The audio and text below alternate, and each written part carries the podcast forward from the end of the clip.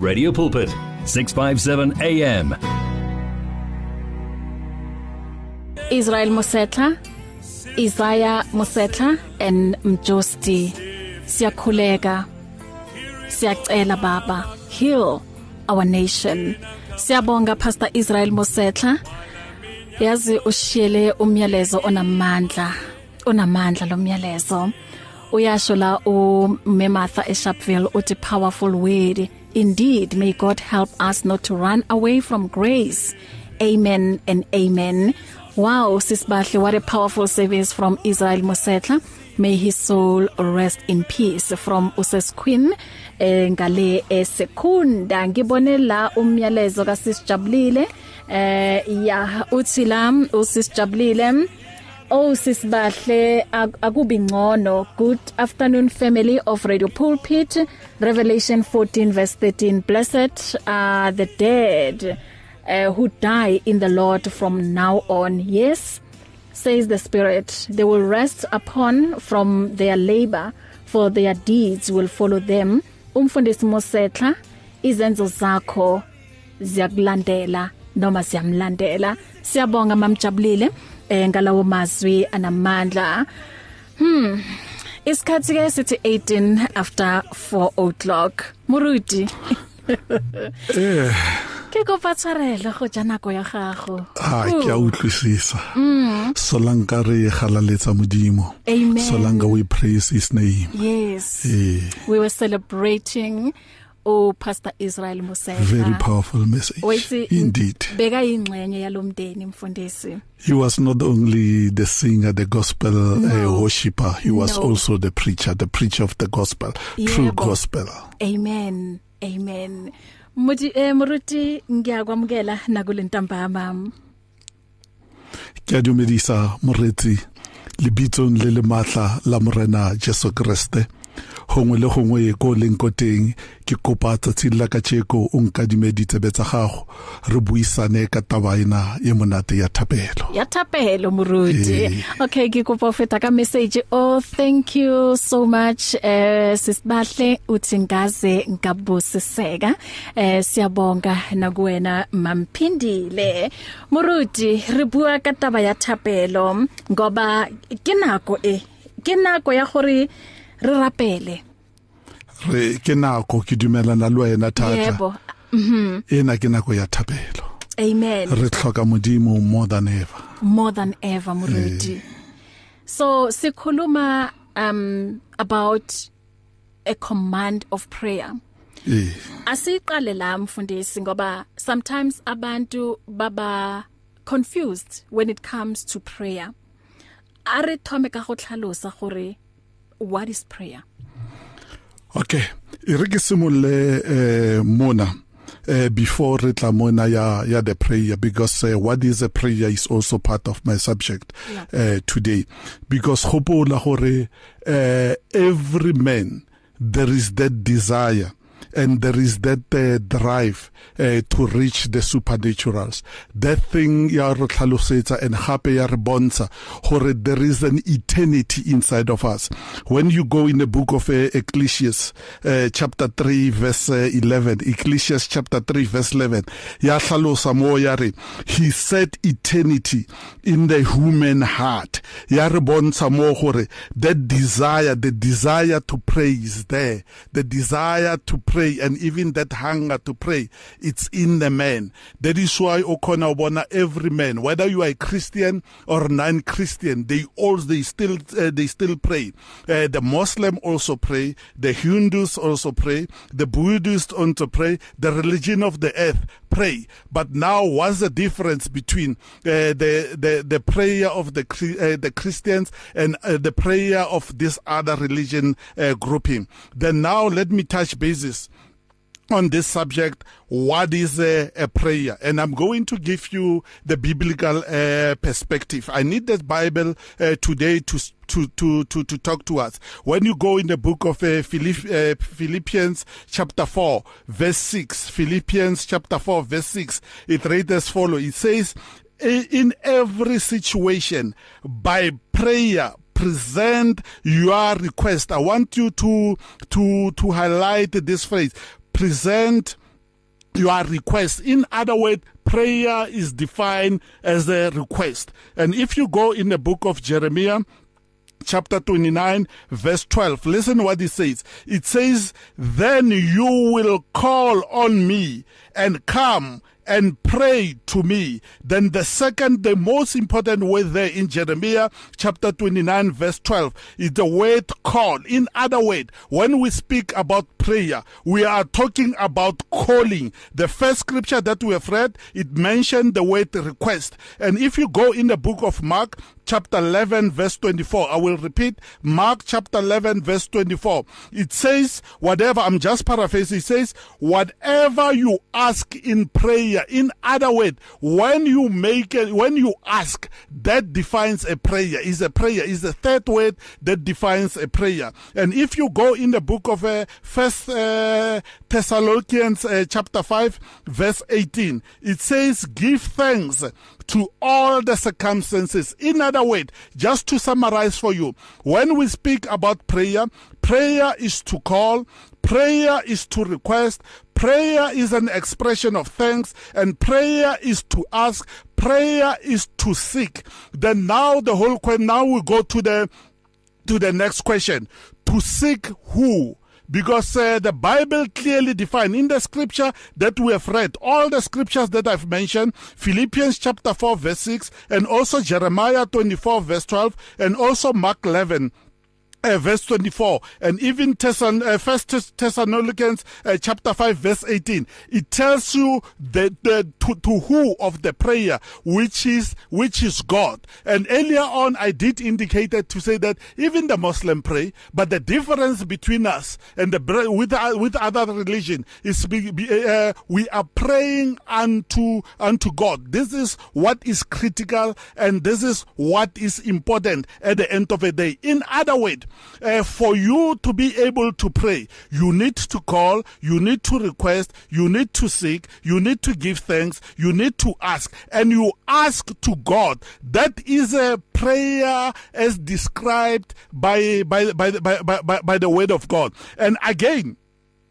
uh, prayer explain uh, uh, or maybe let me put it in this way. Uh, prayer it's a way of being. Maybe somebody can ask a question. What do you mean by saying a way of being? Because remember that there you must be the being in a moment and a being in the present and a being and a, and being open being in a moment with god which simply means uh, you need to be uh, present mentally. Your mind must be there. The mind matters because it, it, uh, prayer does not only involve uh, the body, where you find that you are there, you are physically there, but your mind is somewhere else. It's in the shopping, it's solving the problems. Then the prayer also for you to qualify that that what you are doing is a prayer, you need that that being in that moment. Pre- uh, present in there mentally and again it's a being present. Being present, it simply means you need to be focused. And again, being open to, it simply means you are willing. The willingness also is needed. Remember that I say prayer explain uh, is a way of being. And again, it's a way of relating. Then now let me expound on, on that one. You relate, you relate to who? You relate to God. This is a, a biblical perspective. This is a biblical biblical uh, explanation of a of a prayer. If you focus in other God, it doesn't qualify to be called a prayer according to, to the scriptures because many people, they pray for their idols, they pray for their ancestors, they pray their own God, they pray their own, their, their, their own idols and all those kind of a thing. That according to the definition of a, of a scripture is not a prayer. And remember again what the scripture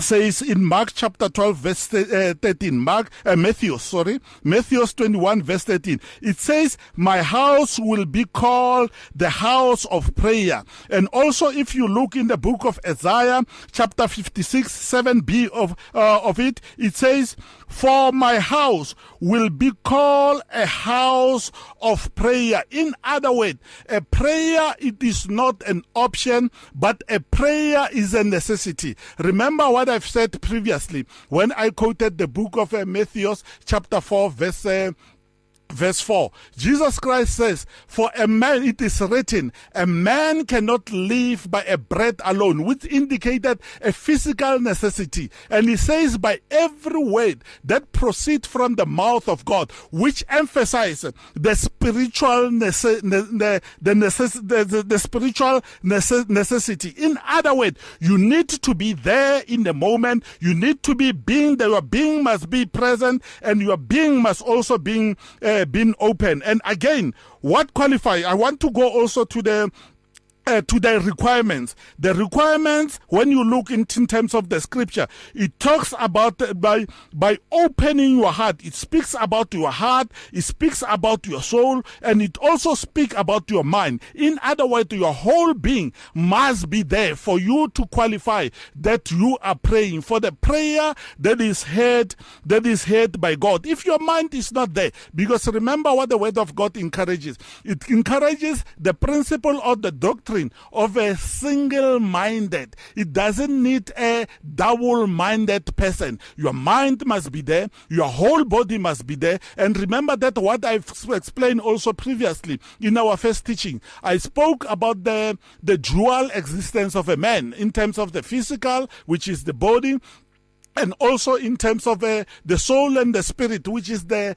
the inner man the whole being need to be there. Your body must be there. Your mind must be in that uh, in that prayer. And our main scripture uh, today we are going to find it in the book of uh, Matthew chapter 6 we are going to read from uh, from verse 9 up until uh, verse uh, verse verse 13 i did indicate that to say that you call god. And what do you call god for? You call god to act not primarily on your behalf but primarily on his behalf, on God's behalf. Remember what when Jesus Christ was in the Garden of uh, Gethsemane, he mentioned this word. He says, Not my will, but thy will be done. And you call him to come in such a way that his glory is seen. That is why the Bible mentioned that, Hallowed be thy name. In other words, his name must be holy. And also you call him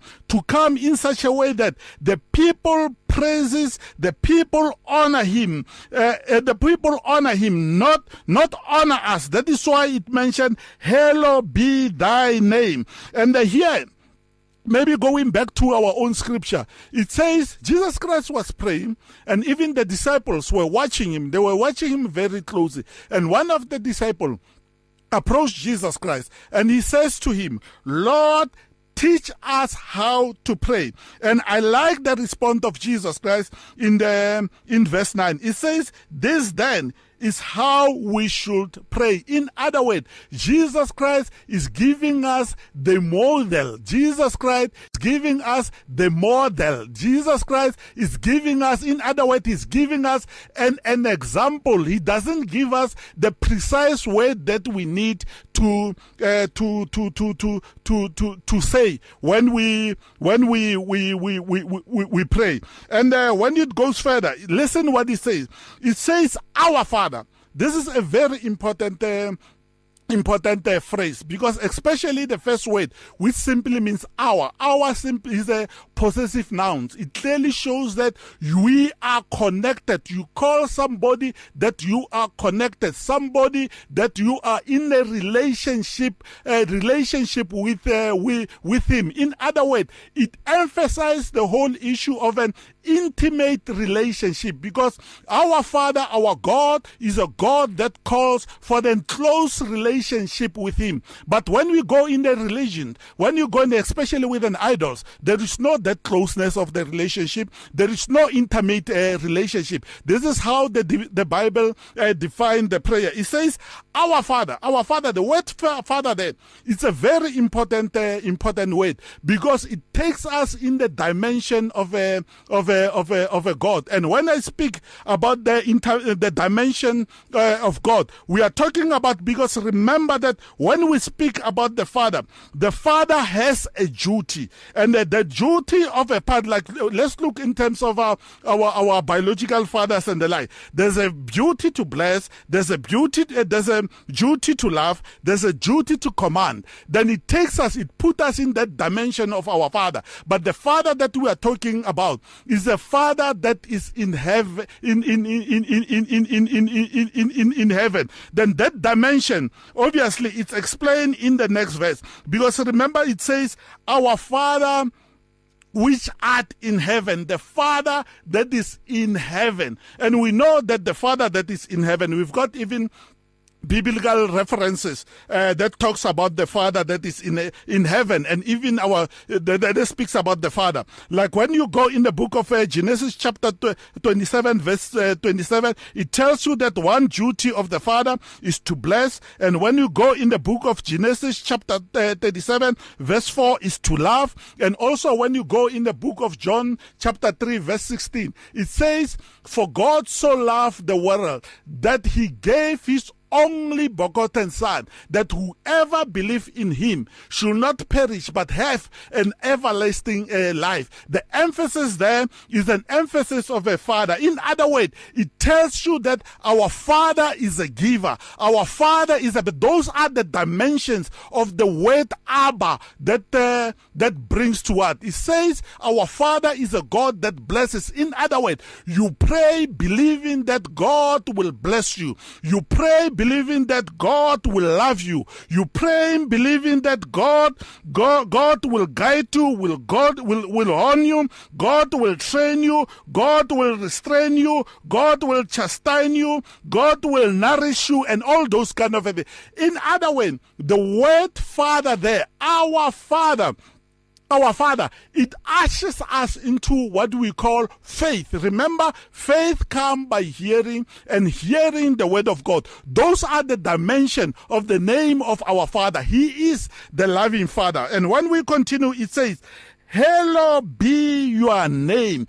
The word hello means perfect. The word hello means holy. In other words, we need to pray in such a way that His name is hallowed. His name is holy. His name is perfect. And when it continues then, uh, verse, uh, verse 10 and also, uh, yeah, verse 10, it says, Your kingdom come. When we speak about the kingdom there, we are talking about the God kingly rule. And how does God rules in our life? He rule us through his righteous, his righteousness. And the righteousness that we are talking about is Jesus Christ. In other words, the God must rule, Jesus Christ must rule inside of our heart. We pray in such a way that we allow God. That is why we need to open our heart. Our heart must be willing so that we may, we allow him to take the throne of our heart. We allowed him to enter our heart. And when it reads further, it says, uh, your, your will be done as it is in, in, in heaven. In other words, we allow the invasion of God's will to invade our heart. And we pray that not our will, but thy will be, will be done here on earth. I did indicate that to say that the dimension of a father is a father because it gives you pay, it gives you the faith, the faith that when you say our father, you are connected to him. He is a God that is going to bless you. He is the God you believe in the heart that is going to, is, is a God that's going to love you and is a God that commands you. And listen what it says in the further in the further verses. Because the moment when you say that uh, our father the dimension that you are you are highlighting there in verse verse uh, verse 11 it start with the word give. In other words you believe and you also trust that the god that you are praying he is the giver. If you've got the provision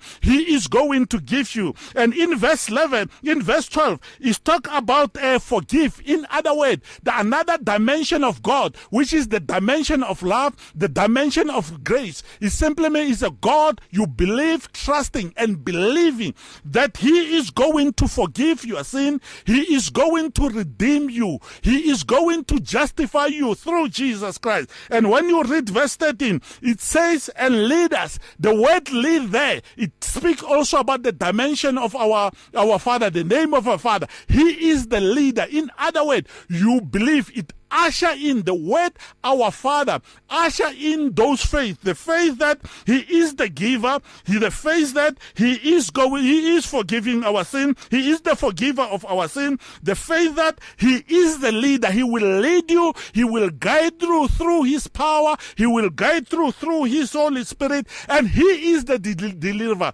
He have delivered us from sin into his own kingdom. Wow. Umkhuleko unamandla ingakho izwi um noma ngathi iBible commands Christians to pray and uh, moruti go bontsha gore ke ke ke lifestyle le re re rapele uh, without ceasing sikhuleke singaphezi. So kusho ukuthi watsoga wa robala wa tsamaya ukokae le kokae tshwantse o rapele. You need to continue.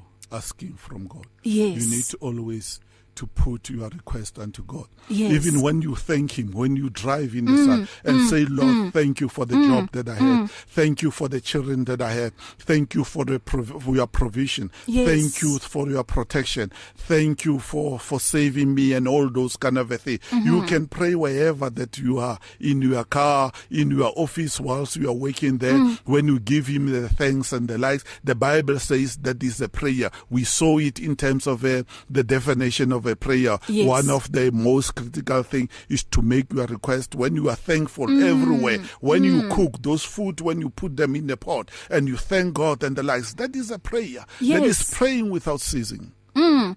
And wait Muruti sometimes ona le gore o o tle batho ba tlotla ba rai um wa tswana why tshwantse ke rapele go modimong modimo hankutlo and the same the, the same people ba batla beng ba le negative about prayer if something iyaitsagala maybe over in a bad uh, situation or go go incidenteng erideng like for instance maybe an accident.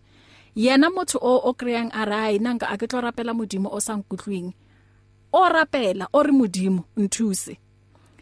So gore dilo tse ding tse like di obvious gore this person mo pelong ya hae wa believe gore modimo o teng because naka se kope modimo hore a mo protect if nasa believe gore modimo is there or modimo wa exist.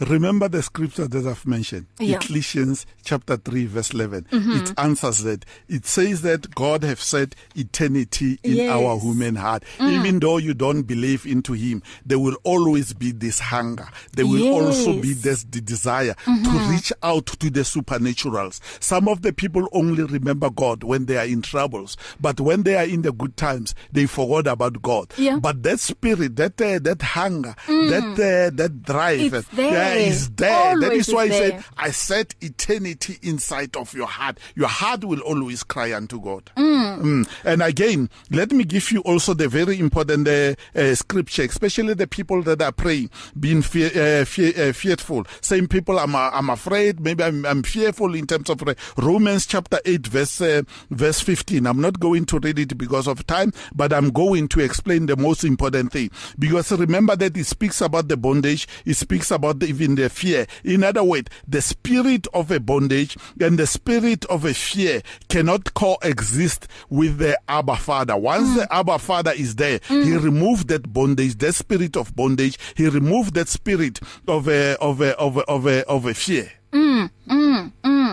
20 before 5 o'clock kina le muruti khomotso modiselle eh sikhuluma ke namuhla ngomkhuleko command of prayer eh, okuwukuthi sithwala lapha encwadini ka Matthew 6 um 9 to 13 uma uphe- uphethe iBhayibheli lakho um ungayifunda ke leyo ncwadi Matthew 6 9 verse 13 kanti nje umfundisi echazile konke um kusobala bazalwane ukuthi um, umkhuleko eh kumele siphile ngawo umkhuleko kwi lifestyle cabanga nje uthi you are in a in a relationship le motho moruti. Um o o mo lenyalong le le mme modiselle.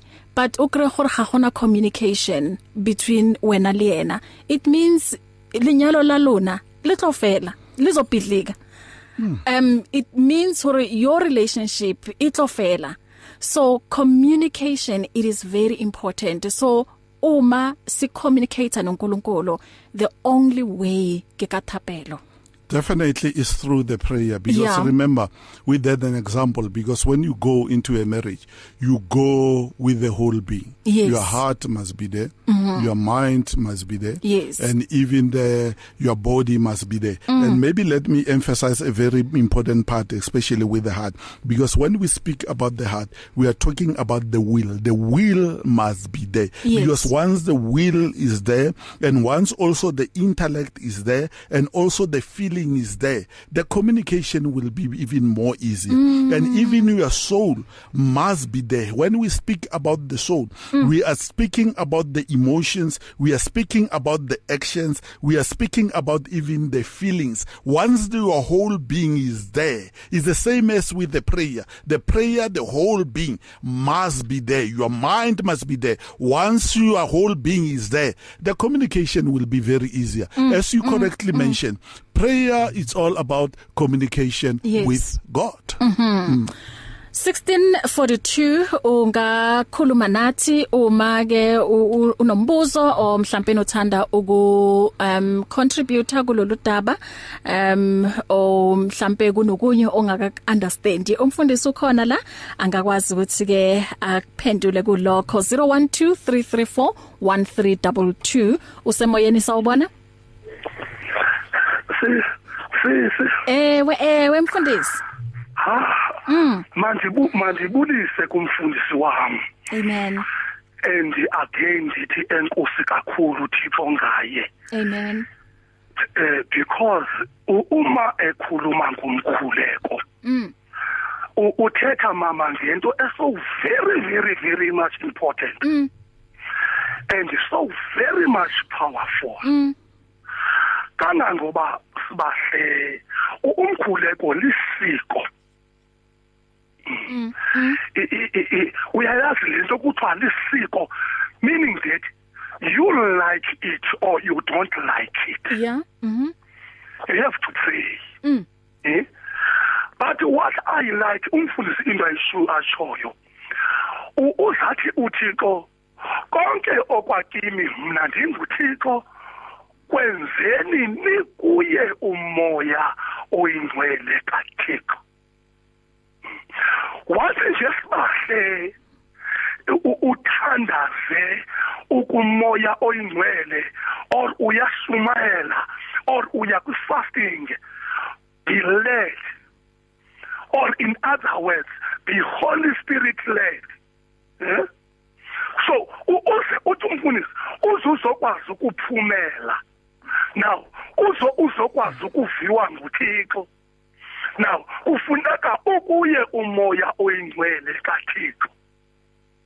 So ngaphandle komoya oyingcwele sikasahle kathixo our god can hear our prayers.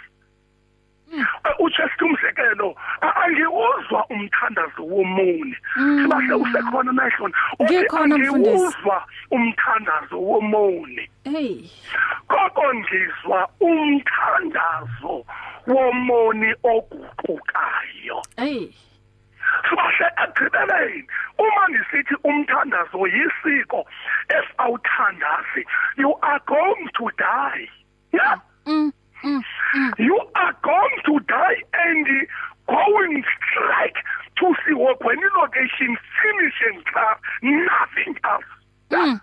Mm. So that's why esithi thandazani ningayeki. Meaning lingayeki that when having Holy Spirit in us, we have a motivator, somebody who encourages us to pray.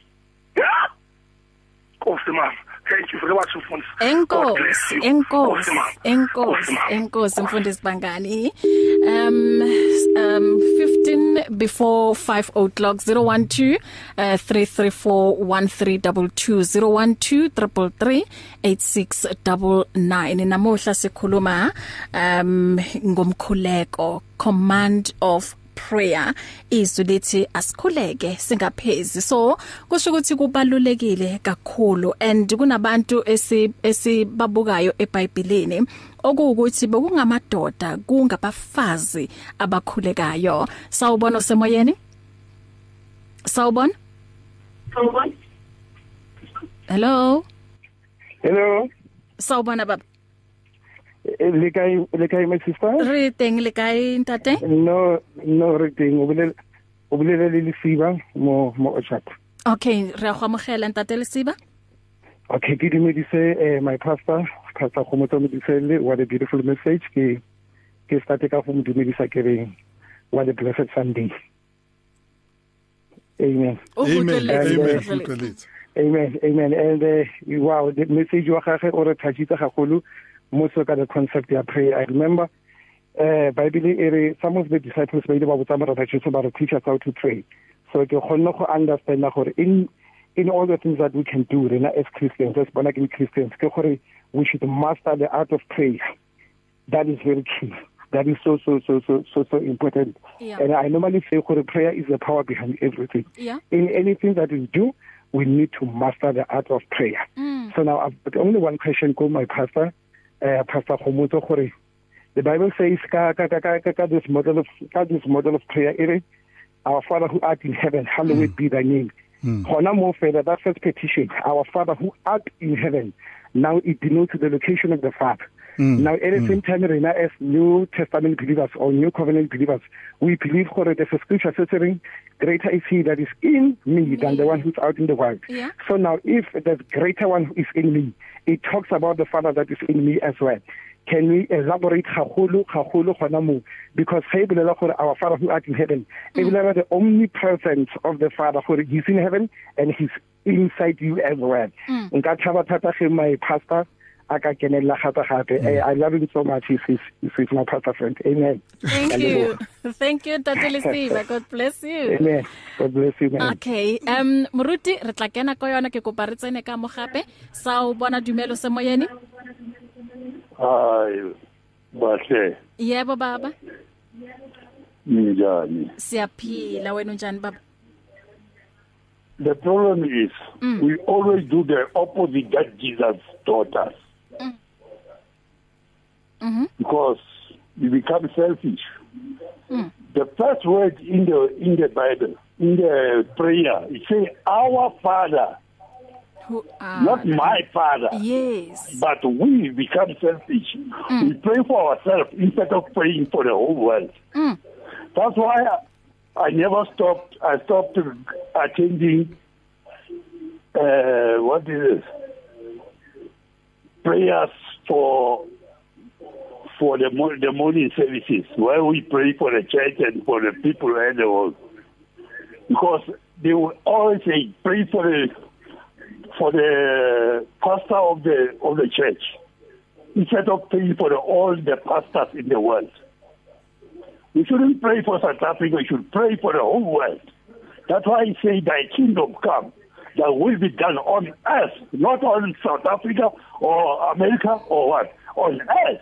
We should pray that the will of God that be done. That's why the world is now in tatters. Because we don't pray for each other.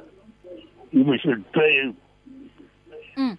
So let us do what God tells us. Everything, every prayer, give us this day our daily bread. Yeah. We should pray. We should not pray for our own goods. We should be selfless when we pray. Mm. So most people uh, concentrate on themselves. Mm. Give- Forgive us our trespasses. Not forgive me my trespasses. Mm. Everything is it, it, ya akaretsa ausi. Yeah. ya akaretsa Mm, mm, mm. Mm. Ke a hutla, ke a hutla Moruti. Thank you so much for Thank your you. contribution. God bless you. Um Moruti gona le so ratang go s- ukusiphaula la ukuphawula yes la ke kulolu rata daba ke rata go simolla ka ya pastor uh, Lesiva le le Yes. le Fiedi is my pastor friend Mm-hmm. uh, he mentioned very important uh, uh, uh, uh, words there the biblical text there Mm. then the which says uh, our father in heaven because there it distinguish Yeah. Mm. ya hlokanisa ya arrogance in other words there is a biological father Yeah. and uh, there is a spiritual father Mm-hmm. and there is this father who is a abba abba which is simply means the heavenly father Mm. in other words the father that we need to pray the, the, the, to, the to whom of the prayer is god that is in heaven Mm. it is not your pastor it is not your biological father because the moment when you start praying me as your father. Praying me as a, as a, uh, as as as your pastor. That is not the prayer. It is not the prayer. You are praying a human being. And here the bible is directing us to pray god himself. And when it goes further it says hello be thy name. In other words we need to keep the name of god we need to keep the name of god holy at the end of the day. It distinguish yahlukanisa. In other words you cannot pray for me when i'm your spiritual uh, uh, uh, father. The moment when you do that god will never even hear those kind of a prayer. And today it's even fashionable in the pentecostal and also in the charismatic uh, uh, uh, movement especially to say that god of pastor mudiselle and so and so. Because uh, your pastor cannot be a bus uh, what i call a bus stop at the end of the day. You need to direct your prayer unto god. You cannot pray me I, even though i'm your spiritual father but you need to direct your prayer unto god. And here it speaks about the dimension. And those dimensions we see them in verse 11 and also the word abba talks in terms of a dimension in verse 11 and also in verse 12 and verse 13 it says give which simply means it tells you another name the dimension of a name of a god to say that god is a giver. If you've got a need god he will be able to pro to provide he is the provider at the end of the day and also when you look in verse 12, he is the forgiver. In other words, he is uh, the redeemer. That is a dimension, uh, that is a dimension of the name of, uh, of God. And also when you go in verse 13, he, he, he says leaders. It simply means he is a leader. He is a person that, uh, that can guide you. And when I go to, uh, to the second caller. The second caller uh, spoke about the your will, your kingdom come. In other words, we pray for Jesus Christ to rule our heart. We pray also for kingdom of God to invade us, the will of God, not our own will when we pray. The moment when you pray for your own will, God will never hear that prayer. Wow. Ngikuzwile mfundisi. Asithembe ukuthi nalapha emakhaya. Em ba eh, bayizwile ke le ndaba. Ithi ke ngindlule ngala. Eh sisanda wonye ngicela ukwenza kanje. From your ear to your heart to your mouth to your feet. Join this life on 657 AM. At this stage, we will not be able to deal with phone in prayer requests. However, each prayer request is important to us, and we invite listeners to please submit their prayer request as follows email prayer at radiopulpit.co.za or gebed at radiocancel.co.za. Prayer requests can also be lodged via the Radio Pulpit website www.radiopulpit.co.za or www.radiocancel.co.za. You can also send us a WhatsApp on 067 429 7564. Although we will not be able to give detailed feedback on requests, please be assured that our network of prayer partners will pray for each and every request. From your ear to your heart to your mouth to your feet. Join this life on 657 AM. Isigaba ke sokugcina lesi sinemizuzu ngasho nje ukuthi plus minus 3 minutes ukuthi ke sihlukane nomfundisi uQhumutso Mudisele lesikhuluma la udaba lomkhuleko asindluleke ngemiyalezo la embalwa afternoon family ausbahle prayer is a lifestyle of a believer prayer ke weapon um that we use to destroy the works of the devil we must pray always. Bishop uh, TD Xaba man of God from Palm Ridge East Rand the land of the wise extension 2 uyena ke osithumele lo myalezo. Siyabonga mfundisi um, Xaba. um, Greetings in the name of our Lord Jesus Christ. Praying also indicates reliance and humbleness to God. There is nothing that we can do without prayer. That is without God's guidance. We can't live a blessed life without prayer. God bless you Pastor Mudisele. Eh ke sis pops. Um kune voice note la. Hey noma inde ngicela ukuthi silalele la mfundisi. Greetings, Sesi Bahle and Pastor Mudisele. We thank God uh, for the subject prayer. Prayer is one of the things that the devil fights with all his might. The devil doesn't want prayer because prayer it brings us closer to God. Prayer it brings revelations. Prayer it draws the presence of God in our lives prayer is a two-way communication. When we communicate with God, God communicates his mind and his will back to us. And when you read Jeremiah 33 verse 3, it says, Call unto me, I will answer thee. I will show you mighty and greater things that you've never seen. Many people, they tend to say prayer doesn't work. But we need to dwell in the presence of God prayer doesn't work if we gonna uh, pray when we feel like it. When we go to psalm 91 it says um, those who dwell in the secret place of the most high god they shall abide under the shadows of his wings. Amen mazal those who dwell amen mazalwan know those who will pray when it's suitable. Know those who will pray whenever there are issues uh, whenever they need amen bazalwane.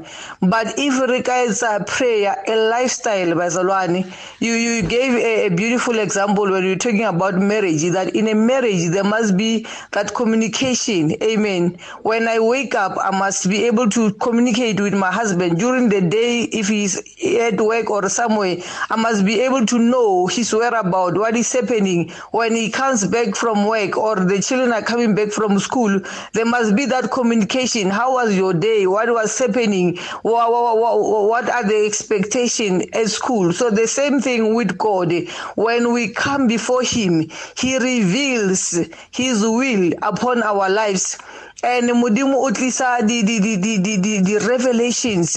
And modimo o tlisa guidance bazalwane. When we are in prayer the church will not be confused. When we are in prayer the church will not be misled. When we are in prayer bazalwane even as individually we will grow bazalwane. When you pray go bana le growth. When you pray your faith is being elevated. When you pray you are being strengthened. When you pray the revelations come. When when you pray, your eyes are being opened. Like when we go back to Jeremiah 33, verse 3, it says, Call unto me. God is saying, Call, rapelang, be saying, Call unto me. And what I like, it doesn't end there. I will answer thee. Amen, Basalwan. And after answering, he said, I will show you mighty and greater things that we've never seen. Amen, Basalwan. So it means there are spiritual dimensions. There are things that must be revealed. But those things they will only be revealed when we are in a secret place with our, our God.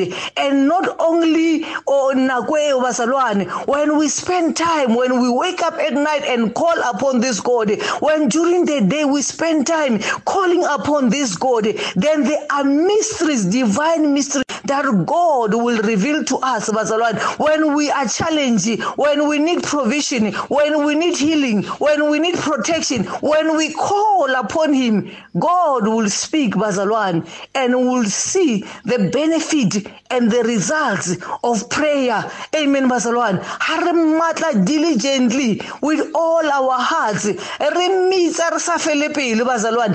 Re mitsa re sa complain. It's not it's not every day that we're going to pray. Dilo dili okay. Sometimes we pray in the midst of challenges, in the midst of storm. But really that hope that he said, I will answer thee. I will show you mighty and greater things mm. that you will never seen. So it is important for us as individuals, as families, as a church, as a nation to pray, even now more than ever. Amen. Prophetess Modiselle, be blessed. That's Amen. Amen. Amen. Sure. That's, That's powerful. Oh. It's my wife. Ke memodiselle. Eh, ke memodiselle. Wow. Memodiselle. Thank you so much Mama ka that revelation. Muruti um asivalelise. ba mo e re ke tswalle ka ma ka mafokwana mm. ha o lebella verse 9 up until verse uh, verse 10 e bua ka gore we need to first and foremost uh, focus unto God. We need to start with Him. In other words, we put us in the place of a dependence before we go unto our our request. And our mm. requests are those that have been seen from verse 11 up until uh, verse uh, verse 13. In other words, when we start with Him, when we reverence Him, when we hallow His name and the like, mm. we simply means we are declaring our dependence upon God. In other words, you need to depend depend upon him. That's what prayer is all about. Remember my word, prayer explain a way of a being and also explain a way of a relating. The being, the whole being must be there. The being in the moment, being in the present, and the being being in the uh, being open uh, unto God. We pray unto God, the heavenly Father, not the any other person that is not in heaven and the like. We only prayer must be based on God. God bless blessed you. Shalom. Amen. Moruti re kopa re shile number ha o ka pela 081 mm. 017 992. I will repeat 081 017 triple nine two. You can also follow me on my Facebook uh, face uh, uh, Facebook page, uh, Komoto Mudisele with a G. God bless you. Shalom. God bless you Muruti. Are kopane gape ko bekeng e tlang. O Pastor Ray Legodi uyeza uzoqhubeka nawe until 7 o'clock. Sibonga yonke imiyalezo yenduduzo. Eh siyabonga nokuthi uqhubeke njalo ungumsizi wethu um and ungumngani wethu. Sibonga nesupport. Sibonge nemkhuleko. It's difficult to face the overwhelming pressures of life alone. Sometimes we just need someone to talk to, someone to listen to us. And what better way to do that than through a quick and easy WhatsApp text? Whether you're having a hard time coping with school, family issues, being bullied, depression, or anxiety, speak to someone who cares today. Send a WhatsApp message to 064 530 6805 or 074 995 9085. Our I Am Youth Counseling team, Charles Dudoy and Danny Vambili, are ready to connect with you today.